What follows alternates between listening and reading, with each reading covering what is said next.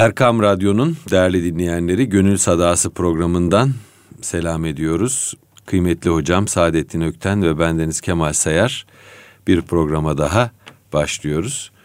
Hocam programımızı e, takip eden e, kıymetli dinleyicilerimiz e, zaman zaman sitemkar mesajlar yolluyorlar.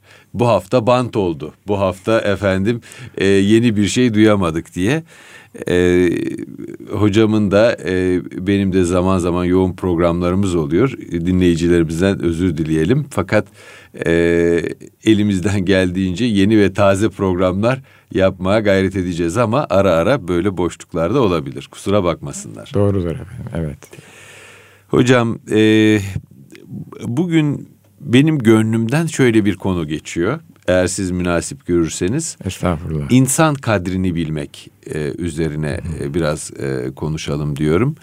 E, bizim medeniyetimiz e, insanı büyüten bir medeniyet. Tabii. İnsanın içindeki güzelliği, Tabii. iyiliği ortaya çıkaran, e, onun üzerindeki örtüleri kaldıran e, bir medeniyet. E, fakat e, zaman zaman işte hep konuşuluyor medeniyetlerin durağanlaştığı dönemler oluyor. Doğru. E, o dönemlerde de insan kadrini bilmek de önemsizleşiyor. Ee, daha hasetçil duygular, daha kötücül duygular ön plana çıkıyor ve biz artık Hazreti insanı e, göremez oluyoruz. Daha çok insandaki mülevves tarafı, kötü tarafı e, görüyor, oraya dikkat ediyoruz. İnsan kadrini nasıl bileceğiz kıymetli hocam? Eyvah. Öyle, kitabın zor yerinden evet, sorduk kitabın zor yerinden. Hiç çalışmadığım yerden geldi efendim. E, belki şöyle düşünmek lazım. İnsan kadrini bilmek için önce insanın ne olduğunu bilmek lazım. E, her medeniyet tasavvuru insana kendi değerleri noktasından bakarak bir tarif getiriyor. E, bu şimdi her medeniyet tasavvuru deyince e, şu sıralar daha eski zamanlarda da dünyada birçok medeniyet gelmiş geçmiş diyorlar ama hı hı. ben e, hem kitabi yani bu kitaptayken Kur'an'ı kastediyorum hem de e, daha bütüncül, daha genel bir görüş ile söylemeye çalışacağım. İki medeniyet tasavvuru var. Bunlardan bir tanesi vahiy medeniyet tasavvuru. Yani aşkın dünyadan gelen haberi esas alan hayatın merkezine, merkezine, mihverine yerleştiren bir medeniyet tasavvuru e, bu medeniyet tasavvuru e, dünyada zaman zaman hakim olmuş. Yani bunun da e, kurucuları peygamberler. Hı hı. Yani e, peygamberler hem birer e, dini rehber, buradaki dini rehber sözü de biraz açıklanmaya müsait. Yani medeniyet paradigmalarının kurucuları. Bir diğeri de rasyonel medeniyet tasavvuru. Şimdi e, insana verilen değer noktasında insanın tanımını yapmaya çalışırsak şöyle İslam medeniyet tasavvuru insanı Allah'ın yeryüzündeki halifesi olarak görüyor. Zaten başlı başına bu cümle çok mühim bir alem, çok mühim bir dünya, çok saltanatlı, çok mesuliyetli bir dünya vaz ediyor, inşa ediyor. Ve bu insanın özelliği de Cenab-ı Allah bu insana ben kendi ruhumdan ruh biledim buyuruyor.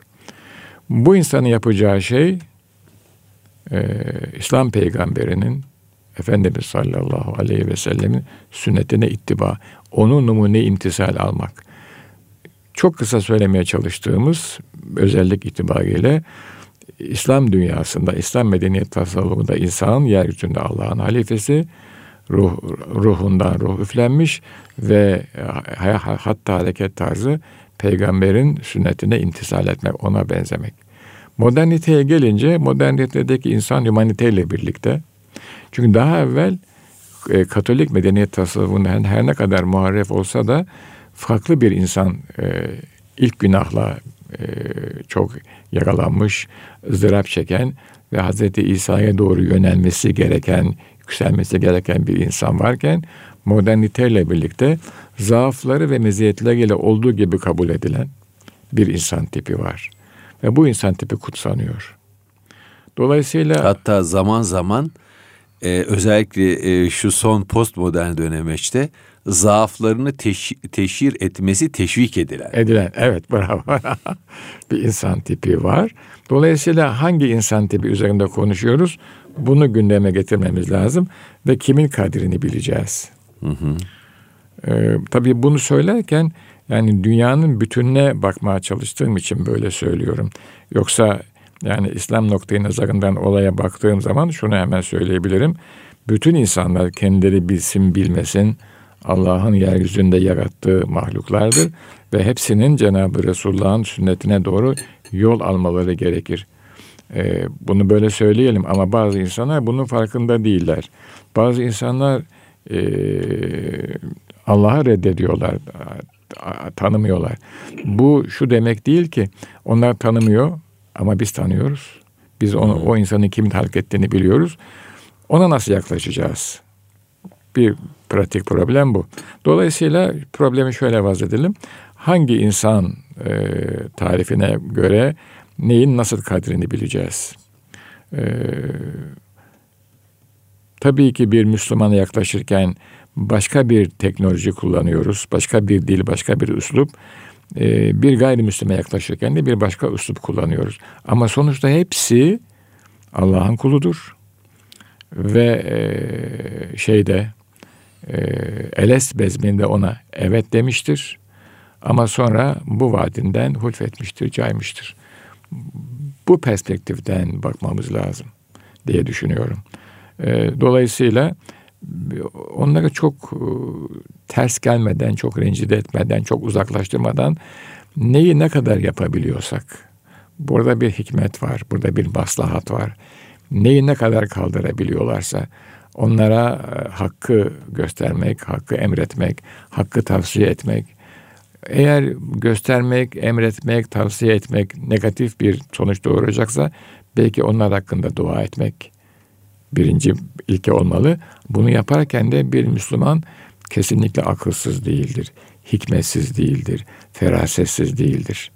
Müslüman bunları yaparken aynı zamanda zarar görmeyecek tedbirleri de alması lazım. Elbette. Hocam e, hangi insan tarifine göre neyin e, nasıl kadrini e, bileceğiz dediniz. Evet. E, tabii e, batılı kendilik tarifi, batılı insan tarifi büyüklenmeci bir kendilik bize tarif ediyor. Yani e, Tanrı karşısında aciz, onun karşısında müeddep, onun karşısında e, haddini bilen bir varlık olarak insan değil, e, işte ona meydan okuyan, e, ona kafa tutan, Babil kuleleri inşa eden e, bir e, varlık tarif ediyor. Dolayısıyla o medeniyetin insan tasavvuruna baktığınız zaman da e, özgürlüğün e, eskinin ilahi bağlarından tamamen kopmanın, arınmanın çok temel bir arayış olduğunu görüyoruz. Yani Batı e, batılı modernite bize insanın geçmişin bağlarından, cemaat bağlarından, topluluk bağlarından ve kilisenin bağlarından, tanrısal bağlarından tamamen arınarak e, kendisi e, olması gerektiğini, bütün bağlardan azade bir varlık olması gerektiğini, özgürlüğün bu manadaki özgürlüğün, e, hürriyetin e, onun için en temel umde olduğunu söylüyor. Şimdi e, böyle bir e, varlık e, kendisini neyle mukayyet hissedecek? Hiçbir bağ, hiçbir etik çerçeve, e, yani ilahi bir etik çerçeve, kendisinin üzerinde, kendisinin aklını aşan bir etik çerçeveye bağlı olmayan bir varlık e, kendini neyle e, mukayyet hissedecek? E, buradan şuna geleceğim. Reha Erdem diye bir film yönetmeni var. Onun da yıllar önce bir e, söyleşi yapılmıştı. Beş Vakit diye bir filmi var bu yönetmenin. Onun üzerine. Yani sonuçta dindar camiadan falan olan bir yönetmen değil. Dışarıdan hadiselere bakan birisi. Hı hı. De, diyor ki söyleşide çok ilginç bir şey. Bir insan düşünün diyor, cinayet işlemeye gidiyor diyor. Birden diyor ezandan, şeyden, e, camiden bir ses yükseliyor ezanla birlikte. Allahu Ekber, Allahu Ekber. Allah en büyüktür. Şimdi cinayet işleyecek fakat bir taraftan da bu sözü duyuyor. Bu söz diyor onun üzerinde caydırıcı bir söz. Yani yapma diyor. O, o sözü duyduğu anda aslında vicdanıyla bir muhasebe içine girmesi gerekiyor. Ee, şimdi burada bir ilahi çerçeve görüyoruz. Bir etik çerçeve. Allah büyüktür. Sen kendin büyüklenme. Ee, ama insan kendisi büyüklenmeye başladığı zaman pek çok nemrutlukların, e, pek çok e, cinayetlerin, katliamların da özünde bu kibir gözüküyor. Yani o çerçeve, yani insanı nereye yerleştirdiğimiz ve nasıl tanımladığımız, nasıl bir insan anlayışın zuhur ettiğinin de ölçüsü oluyor sanki. Biraz uzattım lafı, dolaştırdım belki. Yok yok yok. Evet. Gayet güzel. Ee, şimdi birkaç husus var. Ben isterseniz onlardan ilkiyle başlayayım. Dediniz ki e, herhangi bir kayıt e, manzumesinden azade olmak istiyor evet. insan. Modernite bu insan. Hı hı. Bu arada birçok şey saydığınız zaman burada bence en önemlisi olayın başlangıcı kilisenin kayıtlarıydı. Hı hı. Şimdi Türkiye'de e, bana göre pek anlaşılmayan bir husus var. Kilisenin koyduğu kurallar dini kurallar değil. Hı hı. Onu çok net ifade edeyim. Dini gibi gözüken insan aklının koyduğu kurallar, kilisenin koyduğu kurallar. Hatta ben bu konuda biraz daha ileri gidiyorum. Diyorum ki Rönesans'ta, pardon aydınlanmada kiliseyle özgür akıl çatışmadı. İki akıl çatıştı. Hmm. Bunlardan biri özgür akıldı. Yani bir matematikçinin aklıydı. O özgür akıldan kastettiğim o. İkincisi de kilisenin aklıydı. Kilisenin aklı dogmalarla bağımlı olduğu için özgür aklı karşısında mutlaka yenilecekti. Nitekim yenildi. Bir tanesi bu. Dolayısıyla kilisenin aklı yani kilise aşkın dünyadan gelen habere şu veya bu sebeple daha iyi olur diye veya boşluk bularak rasyonel düşünceyi karıştırdığı için hı hı. E, bir süre sonra bu rasyonel düşüncenin ortaya koyduğu zaaflar ortaya çıktı ve kilise aklı mağlup oldu. Batı, batılı insan e, dolayısıyla böyle düşünmekte çok haklı çünkü aşkın dünyadan gelen yani bir daha netleştirelim. Vahiy haberin pür halini bilmiyor. Hı hı. Karışmış vaziyette. Mülemma olmuş vaziyette. Ama İslam dünyası böyle değil. Pür haberi biliyor. Zaten bu son 10 yıllarda yapılan bir takım müdahaleler İslam dünyasındaki o pür haberi de karıştırma babında yapılan rüyalar ve yapılan yorumlar vesaireler. Bir tanesi bu. Bir başkası şöyle. Peki acaba insan bir kuyudat, bir sınırlama çerçevesine girmeli mi? Böyle bir soru ile karşılaşıyoruz. Tabii ki girmeli. Bunu çok seküler insanlar da söylüyorlar. Çünkü sosyal nizam için bazı kayıtlar lazım. Hı hı. Ee, insandaki yetenekler ve ihtiraslar eğer kayıt altına alınmazsa insan sosyal yaşamak zorunda da olduğu için düzen kurulmuyor. Ee, o zaman bu kayıtları kim koyacak? Ee, kendi dışında aşkın bir üst otoriteden tanımadığı için bu kayıtları e, da kendi rasyonalitesi koyuyor. Buna da konjonktör diyoruz. Bu kibar bir söz. Yani biraz daha bilimsel gibi görünüyor.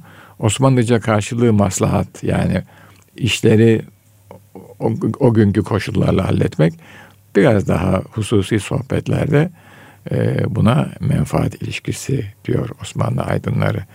E, dolayısıyla menfaat üzerine kurulu. Menfaat de anlık menfaattir. Yani aklın öngördüğü anlık menfaattir. Şu an, nerede, ne zaman, şu anda, şu zamanda. Peki ben yıllar önce bir başka e, bağlamda bir e, makalemde sormuştum. Şeytan bunun neresinde? Şimdi İslam dünyasından olaya baktığımız zaman bu olayı birçok kavramla açıklıyoruz. Mesela diyoruz ki e, kendin üstünde e, bir otorite tanımayan insan aklıyla ve içgüdüleriyle şeytanın esiri olur diyoruz. e, Batı dünyasının modernitesinde böyle bir çok mesela bir şeyde geçiyor bu. Göte'de geçiyor. Faust'ta, Doktor Faust'ta geçer. Onun dışında siz daha çok biliyorsunuz Batı romanını. E, ben de okumuştum zamanında orada pek geçmiyor. E, bir de bir kavram daha söyleyelim. Nefse emmare. Şimdi evet. bu, tabii şimdi bu kavramlar hep bize dini kavramlar olarak cami veya tekke içinde öğretildi. Bunlar nefes almak kadar, solunum kadar, dolaşım kadar reel kavramlar. İnsan hı hı. kendisiyle baş başa kaldığı zaman içindeki nefis şeytanın emrine giriyor. Ve onu peki sonuçta ne oluyor? Sonuçta dünya yaşanmaz hale geliyor. İşte en son olaylar. Burada güncellemeye gerek yok. Şimdi dünyaya baktığınız zaman nasıl oluyor diyorsunuz. Bir taraftan insan hakları vesaire gibi bir masal dünyası üretilirken diğer taraftan da e, zalim, güçlü mutlaka zulmetmek zorunda. Çünkü kendinden üstün bir e, otorite tanım, bir çerçeve, ahlaki çerçeve tanımıyor. Ve yaptığı şey onun, ona göre zulüm değil. Tabii bunun ekonomik bir tarafı da var kıymetli tabii, hocam. Tabii. Yani dünyanın en zalim ülkeleri en büyük silah üreticileri aynı evet, zamanda. Evet. Yani evet. silah endüstrisinden evet, çok büyük e, evet. meblalar kazanan ülkeler. Savaşın savaş çarkının devam etmesi onların her zaman işine geliyor. Aynen öyle. Ve onlar yani ama sonuçta toplumlar yalnız kalıyor, insan yalnız kalıyor, mutsuzluk. Çünkü iş dünyamız bu üretilenlerle mutlu olacak bir e, yapıya sahip değil. O digergamlıkla beslenen bir iç, iç dünya. Ha, bunu böyle söylüyoruz. Bu, bu akış gene devam ediyor. E, ama e, biraz hani Batı'yı işte iyi kötü tanıyorsak, biraz entelijansına bilen bakıyorsak görüyoruz ki ciddi bir bunalımla karşı karşıyalar. Bu bunalım nasıl bir netice verir onu ben tahmin edemem. Ama mutlaka bir netice verir. Yani top üretiyorsanız, atom üretiyorsanız, tüfek üretiyorsanız ve insanlığın e, bir kısmını bununla yok ediyorsanız o mutlaka size bir şekilde döner. Hiç umulmadık bir yerden döner. Bunu akıl izah edemiyor. Ama dönüyor. Bunu akıl izah edemiyor. Dün bir danışanımla konuşuyorum. Ee, hiç ondan beklemediğim bir cümle kurdu. Ee, dedi ki bazı seçimlerimizin dedi bazı yaptıklarımızın görünmeyen bedelleri olur dedi. Tabii e, insan hayatında e, bu tür görünmeyen bedellerle sık sık karşılaşıyoruz. Ulusların hayatında da. Tabii tabii. Zulmeden e, bunun bedelini öder. Evet, evet.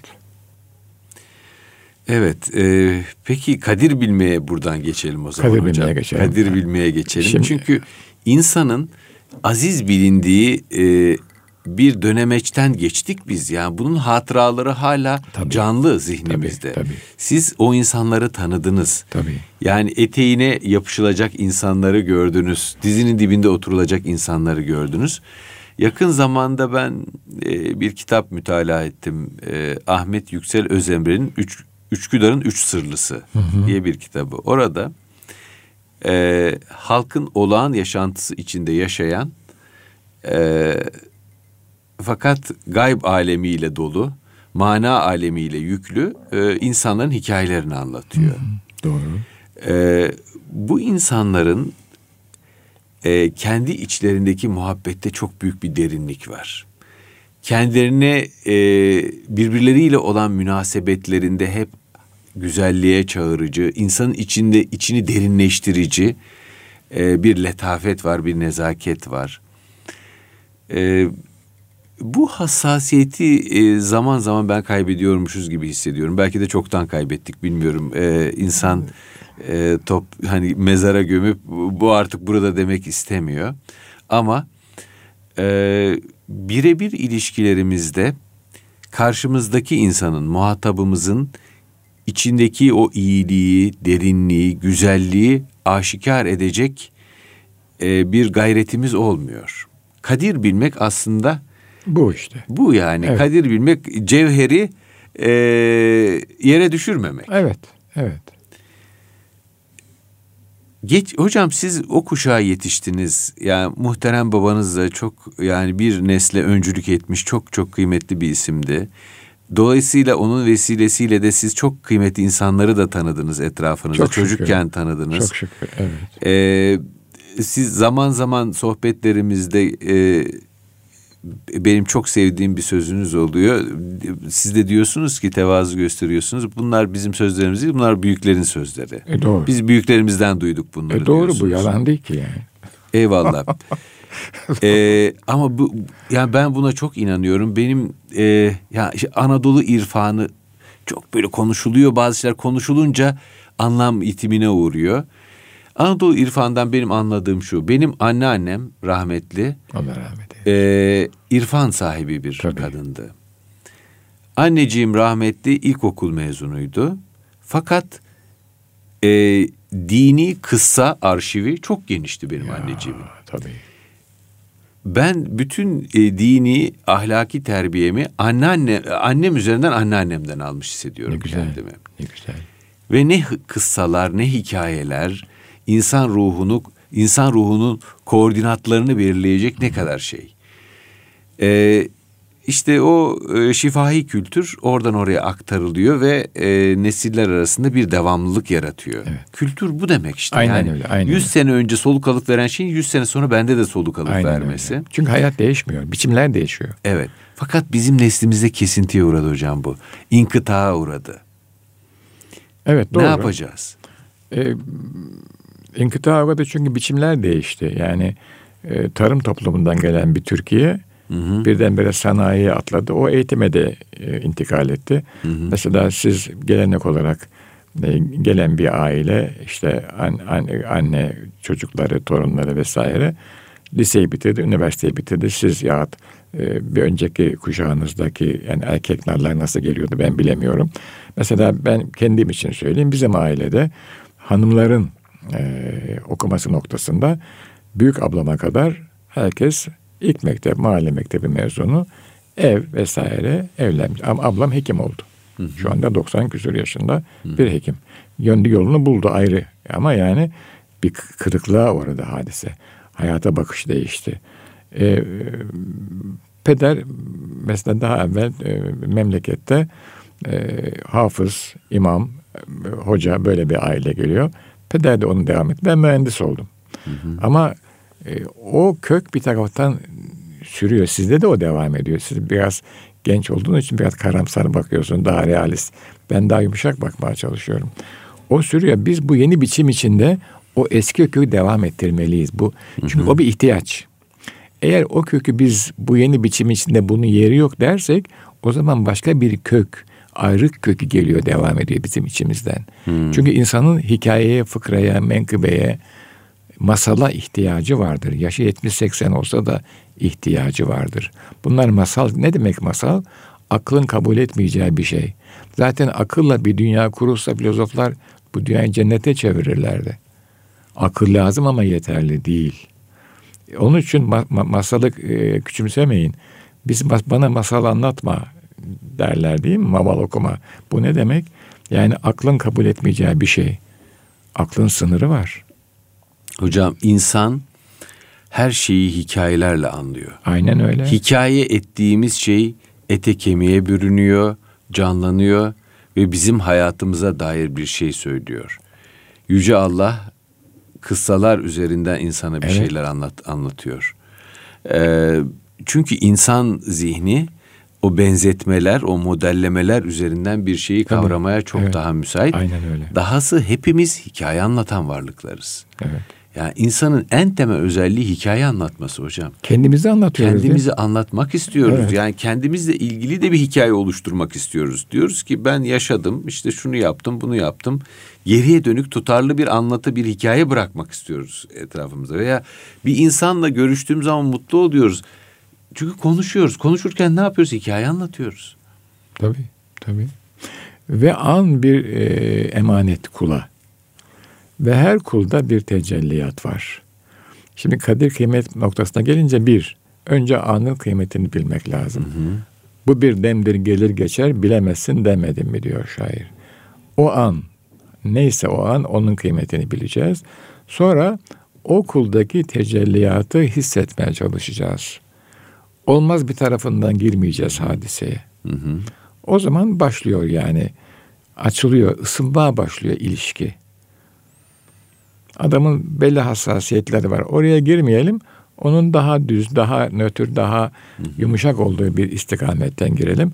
Bu bir selamla, hatta bir tebessümle, hatta adamı görmeden masasına küçük bir not bırakmakla misal aklıma geldi diye söylüyorum. Hı hı. Sizi düşündüm bu sabah işte günaydın veya selamun aleyküm veya nasılsınız küçük bir şeyle ısınmaya başlıyor hadise. Tabii.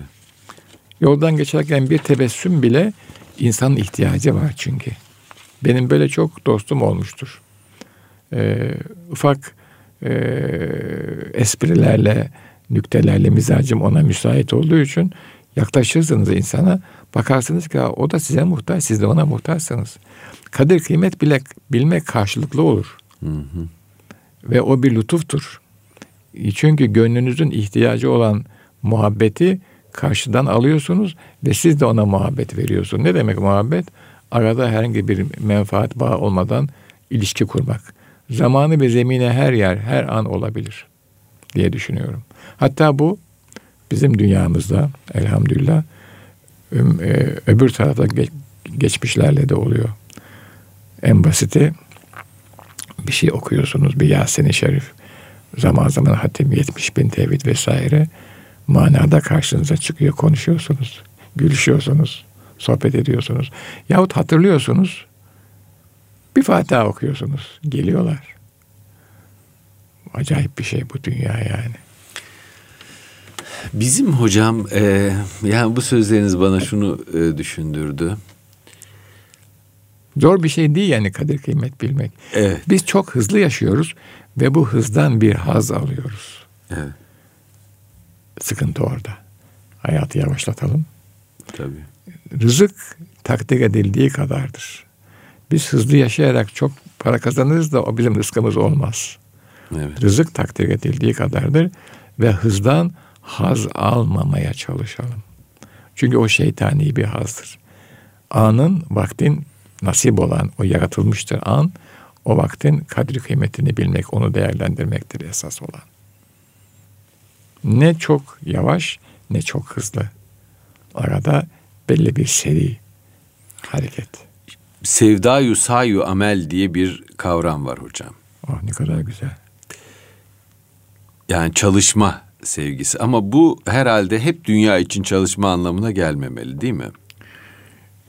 Şimdi bu dünya için çalışmak da e, gene bana göre her iki cihetten bakıldığında hı hı. açıklanması gereken bir kavram. Hı hı. Dünya için çalışmak eğer sizin nefsi menfaatiniz için ise hı hı. tabii ki e, bu mezmun bir şey yani buna hiç şey gerek yok. Ama dünyadaki saygı gayretiniz hı hı. E, hem kendinize, ailenize mensup olduğunuz muhite ve insanlığa hizmet içinse bu da e, methedilecek bir hadise yani. Zaten şöyle biz dünyada yaşıyoruz. Bütün gayretimizi dünyaya veremeyiz. Bizim yani şeyimiz biter, pilimiz biter bir manada. Hı hı. E, dünya ile ilgili işlerimizi yaparken niyetimiz nedir? Hangi niyet üzere dünya üzerindeyiz? Ne kadarımıza istirahat ayıracağız? Ve bu işi yaparken nasıl bir muhabbet? Yıllar önce Ayhan Yücel abimizin Milliyetçiler Derneği'nde Sevincini Bulmak diye bir küçük risalesini okumuştum. Hı hı. İş Ayhan yapar, Yücel. Ayhan Yücel, Doktor Ayhan Yücel. İş yaparken, iş yaparken yani bir şey üretirken, bir şey çalışırken onu hazla, sevinçle, şevkle yapmak yani. Ee, bu çok mühim bir hadise. Bir, iki insan görüyorsunuz, aynı işi yapıyorlar ama birisinin neşesi, zevki başka. Niye? Çünkü gayesi, hedefi başka. Hem kendine hem başkalarına fayda. Çünkü insan kendi varlığını çok fazla mahrum ederse nefsi onu tepeler. İnsan kendi varlığında çok fazla mahrum etmemeli. Kaldırabileceği kadar yük almalı. Ama her insanın mutlaka şimdi Marksistlerin artık değer diye bir kavramları var. Müslümanların da artık hizmetleri vardır yani bir iş yaparken mutlaka hem kendine hizmet edersin, kendi varlığına, o vazifendir. Nefsine bakmak zorundasın. Azdırmak mecburiyetinde değilsin. Onu önleyeceksin. Bakmak zorundasın. Ama öyle bir yetenek vermiş ki Cenab-ı Allah artan hizmeti de eşine, dostuna, önce en yakınlarına, ailene. Ondan sonra biz hocayız, ikimiz de öyleyiz. Talebelerimize, asistanlarımıza. Bazen almak istemezler. O zaman zorlamayız. Aman evladım sen birkaç kenarda dur. Şimdi hazmet yine bir mevzu çıkar. Onu da sana veririz. Üzmeden, sıkmadan. Çünkü e, insanlar hepimiz öyleyiz. Çocuk gibidirler. Babası annesi çocuğa yemeği veriyor. Çocuk yemek istemiyor. Halbuki kendisinin gibi milyonlarca genç küçük çocuk var. Yemek bulamıyorlar. Onu fark etmez insanlar. Ee, şimdi hepimizin işte çoluğu çocuğu oldu, torunlarımız var. Ee, görüyoruz eşin dostun da var. O nimete muhtaç belki binlerce insan var. Çocuk var onlar. İnsanlar da böyledir. Ben büyüdüm değil. Ee, artık bu kadar yeter. Onun için büyük mürşitler e, kendi ihvanına gıdım gıdım verirler. Bıktırmadan. Bilirler onun ihtiyacı var ama şu anda ihtiyacın farkında değil üzmeden, sıkmadan yavaş yavaş yüklerler hadiseyi. İnsanların da böyle bir hizmet fazlası vardır. Bu hizmet fazlasını verdiğiniz zaman kalbiniz rahat eder. Ve aranızda bir e, menfaat ilişkisi olmadığı için aradaki dostluk, muhabbet bağları, köprüleri kurulmaya başlar. Modern insan bunu unuttu. Bütün ilişkilerini menfaat üzere kurduğu için kalbi kurudu insanın kalbinin kuruduğunun farkında bunun ızdırabını çekiyor ama çaresini bilmiyor. Çaresini bilmesi için bu hızlı hayatından, bu menfaat ilişkisinden bir miktar vazgeçmesi lazım. Şöyle bir şey de yapıyorlar. Reklam ediyorlar. Ben şu şu iyiliği yaptım. O zaman yine o kalp kuruyor. Tabii. İyilik İyiliği yapan yap. diyor hocam Cemil Meriç'in çok vurucu bir cümlesi var. İyilik yapan mükafat bekliyorsa tefecidir diyor. biraz ağır olmuş evet. Ee, ama yani biraz insanları uyandırması lazım. Yani merhamet eden merhamet edildiğini düşünmüyorsa, seçildiğini düşünmüyorsa, tabii. merhamet ettiğine minnet beslemiyorsa, evet. O zaman evet. e, o kendiliğinden zaten bir mükafat olmuyor. E, mükafatı başkası, başkasından beklediğimiz bir şey oluyor ve e, bir erdem olmaktan çıkıyor. Aynen öyle. Aynen öyle. Bir şeyin erdem olabilmesi için kendi içinde kapalı olması lazım. Evet. Dışarıdan ak- alkış beklememesi lazım. Aynen öyle. İnsanlardan aferin beklememesi lazım. Bazen e, şimdi bizim psikoloji literatüründe şöyle bir tartışma var. Diğer kamlık acaba insanın e, en bencilce hislerinin bir tezahürü mü yoksa gerçekten iyi bir şey mi? Hmm. Yani insan başkasına yardım ederken ondan yarın bir gün bir menfaati olacağını veya ona yardım etmek kendi ruhunu ferahlattığı, kendini daha iyi hissettirdiği için mi yapıyor? Kendini daha üstün bir pozisyona yerleştirdiği için mi yapıyor? Yoksa insan doğuştan iyiliğe yönelimli bir varlık oldu ve bir başkasının sızısını dindirmeyi vacip gördüğü için mi bunu yapıyor? Bu çok enteresan bir tartışma. Evet, yani doğru. Aslında fıtratın nasıl e, olduğuyla ilgili iki ayrı görüş var. Bir biri diyor ki insan fıtratı kötü, kötücüldür. Evet. Günahkardır işte Judeo-Hristiyan medeniyet. Ee, birisi de diyor ki insan temiz bir fıtrat üzerine doğmuştur. İslam medeniyeti.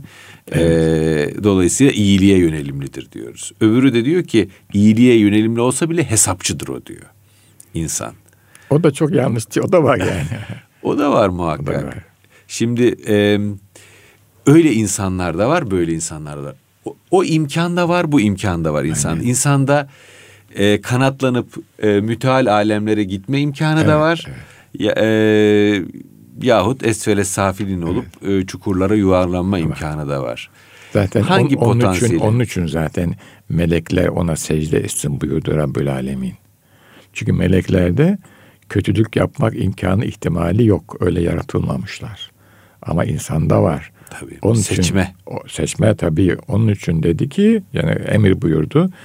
siz bu beni Adem'e ben bir Adem ya ona secde edeceksiniz dedi yani.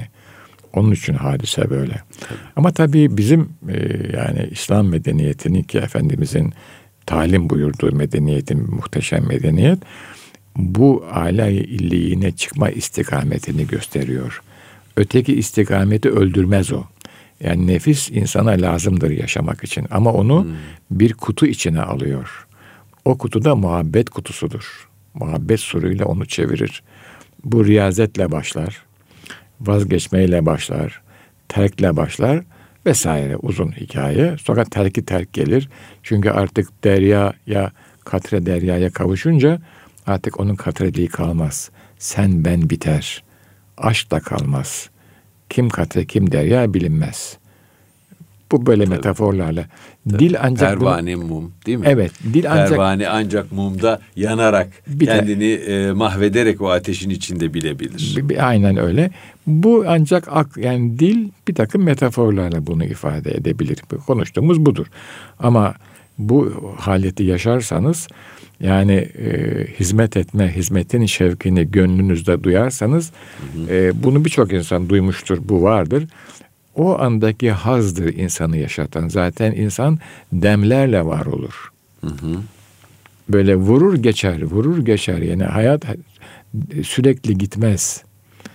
O demlerle varsa o zaman bakın kendinize ya karşıdan da bana şöyle bir imkan gelecek. Bunu düşünmemişsinizdir. Hı hı. Verdiniz bir andır oldu geçti bitti. Bir dahaki deme kadar fırsat zuhur edene kadar bu olağan bir şey değil yani. Olağanüstü haller fırsattır hayat. Fırsatlardan ibarettir yani. Bu fırsatları isterseniz biraz daha açalım. Takdiri hüda böyledir yani. Ee, o size bir takım fırsatlar sunar, takdir eder. Onları fevt etmemek lazım. Ee, diğeri de doğrudur. Yani insan e, bir iyilik yaptığı zaman o haz geçtikten sonra e, ben adama şöyle şöyle yaptım. E, herhalde o da beni alır bir yere götürür diye düşünürsünüz yani. Bu da beşeri halimizdir. Bunu, bunu da red mümkün değil. Ama o hazzı kalp tattıktan sonra diğer rutin kalbe çok cazip gelmez. O hazzı tatması mühim kalbin. O hazzı tattıktan sonra artık diğerini akıl düşünür. Akıl reddedemezseniz akıl düşünür. Çünkü akıl açık bir alandır akıl akla her şey gelir. Şeytan ivası da gelir akla yani. düşer. Ee, o da bir realitedir ama e, tabii ki eğer biraz evvel de buyurduğunuz üzere bir üst çerçeveden gelen haberi biliyorsanız akla dersiniz ki sen bir dur bakalım. Bu diyen kim? Vicdan. Biraz evvel sözünü ettiniz. O çok mühim bir e, lütuftur insanlardaki vicdan. Yargılar, Modern insan vicdanın sesini bastırmak ister.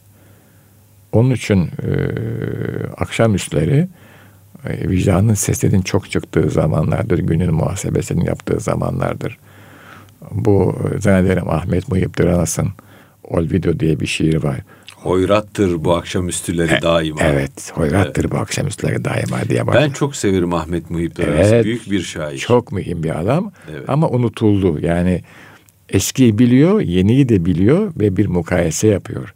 Mesela aynı mukayeseyi Ziya Osman'da göremezsiniz. O daha teslimiyetçidir. Hmm. Ahmet Muhip daha sert ve sağlam durur yani. İşte batılı insan ben bu şiiri lise filan da gördüm. Hmm. Sonra işte im- imkan oldu. O da bir lütuftur üzerimde. Frank memleketlerinde biraz zaman geçirdim. Bu nasıl hoyrat akşamüstülerini gördüm. Oradaki insan da mutsuz akşamüstlerinden ama sığınacak bir yeri yok sığınacak şey bir şişe alkol. Alkol. Evet sığınacak şey ve devamı. Ve sonra tekrar ertesi sabah sığınacak şey iş. İş evet. İşin üzerinden kurulan bir dünya. Deli gibi, deli gibi işe sarılmak. Batı aleminde e, daha önceki programlarda konuşmuş muyduk bilmiyorum. E, samimiyetin ölümünden bahsediliyor hocam. Çok mühim. Yakınlık, samimiyet, paraya tahvil edilemeyen ilişkilerin e, artık giderek kayıplara karıştığından evet. bahsediliyor. Laf lafı açtı biz e, programın e bizim programımız kadar böyle. gelmişiz. Bizim program böyle canım yani. Evet. Başı var sonu yok yani. Eyvallah hocam. Ucu açık, ucu açık. Ucu sonra. açık. Evet. sada yankılanıp duruyor. Evet, eyvallah. Evet. Eyvallah. Efendim, yani. e, efendim e, kıymetli Saadettin Ökten hocamızla e, bir Gönül Sadası programının daha sonuna geldik. Ben Deniz Kemal Sayar. Önümüzdeki hafta buluşmak üzere. Hepinize hayırlı bir akşam diliyoruz.